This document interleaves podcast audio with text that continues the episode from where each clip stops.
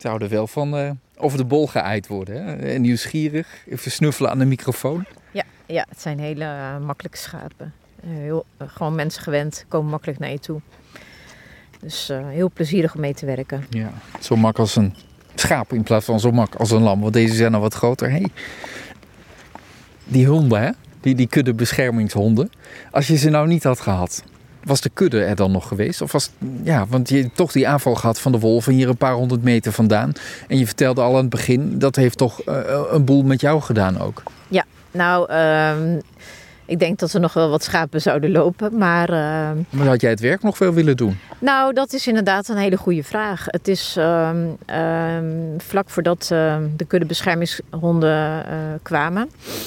Uh, werd de wolf ook alweer uh, overdag gesignaleerd op de hei, ook weer in de buurt.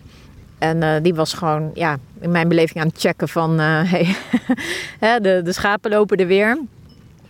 Ik kan me niet voorstellen dat we gewoon dan verder door waren gegaan. Want het is een heel, heel ongemakkelijk gevoel dat je constant met het gevoel loopt van er kan ergens een wolf vandaan komen en die pakt een schaap.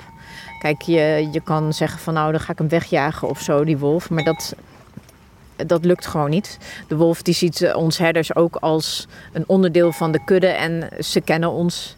Um, ze weten welke auto je hebt. Uh, ik weet zeker, ze observeren ons.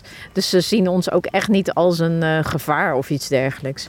Dus, um, dus dat, dat weten ze en dan zullen ze steeds komen. En ja, dan verwacht ik gewoon als we niks uh, hadden gedaan, dat er gewoon uh, misschien wel wekelijks aanvallen zullen, zouden zijn op de kudde. Die wolven die hebben op een gegeven moment door, ja joh, ga even lekker aan mijn broek uh, zitten vegen. Tommy. Tommy. is dat, met een enorme bel om en een enorme kriebel aan zijn hoofd, aan zijn kop. Ja. Nou, dat zal nu wel over zijn, denk ik. Maar die wolven die hebben op een gegeven moment door van dit, dit zijn makkelijke hapjes. Hier, uh, daar hoef ik weinig moeite voor te doen, dus ik kom af en toe eens even langs. Ja, nee, dat klopt. Kijk, op zich uh, hebben ze helemaal niet het voorkeur om een schaap uh, op te eten hoor. Met al die wol uh, aan het lijf en zo. Een, een, een, hert of een zwijn is eigenlijk veel um, lekkerdere prooi voor ze. Maar, en, en we hebben uiteraard hier ook voldoende wild lopen. Maar als, er, als ze bijvoorbeeld in de nacht een keer wat minder succes hebben gehad op het wild, dan, dan zouden ze uh, kunnen besluiten om overdag toch maar even langs die schaapskudde te ja, gaan. Even langs de snackbar, even een schaapje halen. Ja, ja. Zoals shawarma. Ja, precies. Ja. Nou ja, er kunnen allerlei redenen zijn. Het zijn hele slimme dieren, dus um, bijvoorbeeld ook om te oefenen met jagen, bijvoorbeeld met jongere dieren.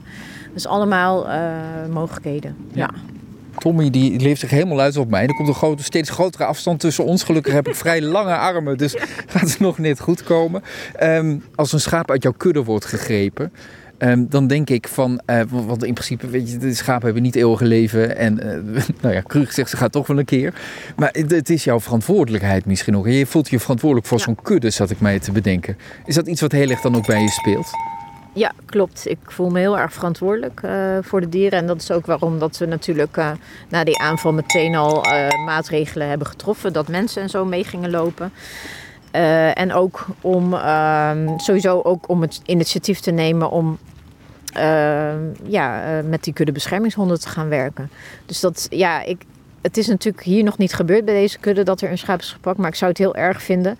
Maar ik kan ook niet ehm, ik kan ook niet zeggen dat het nooit zal gebeuren. Nee. Zelfs niet met de kudde beschermingshonden erbij.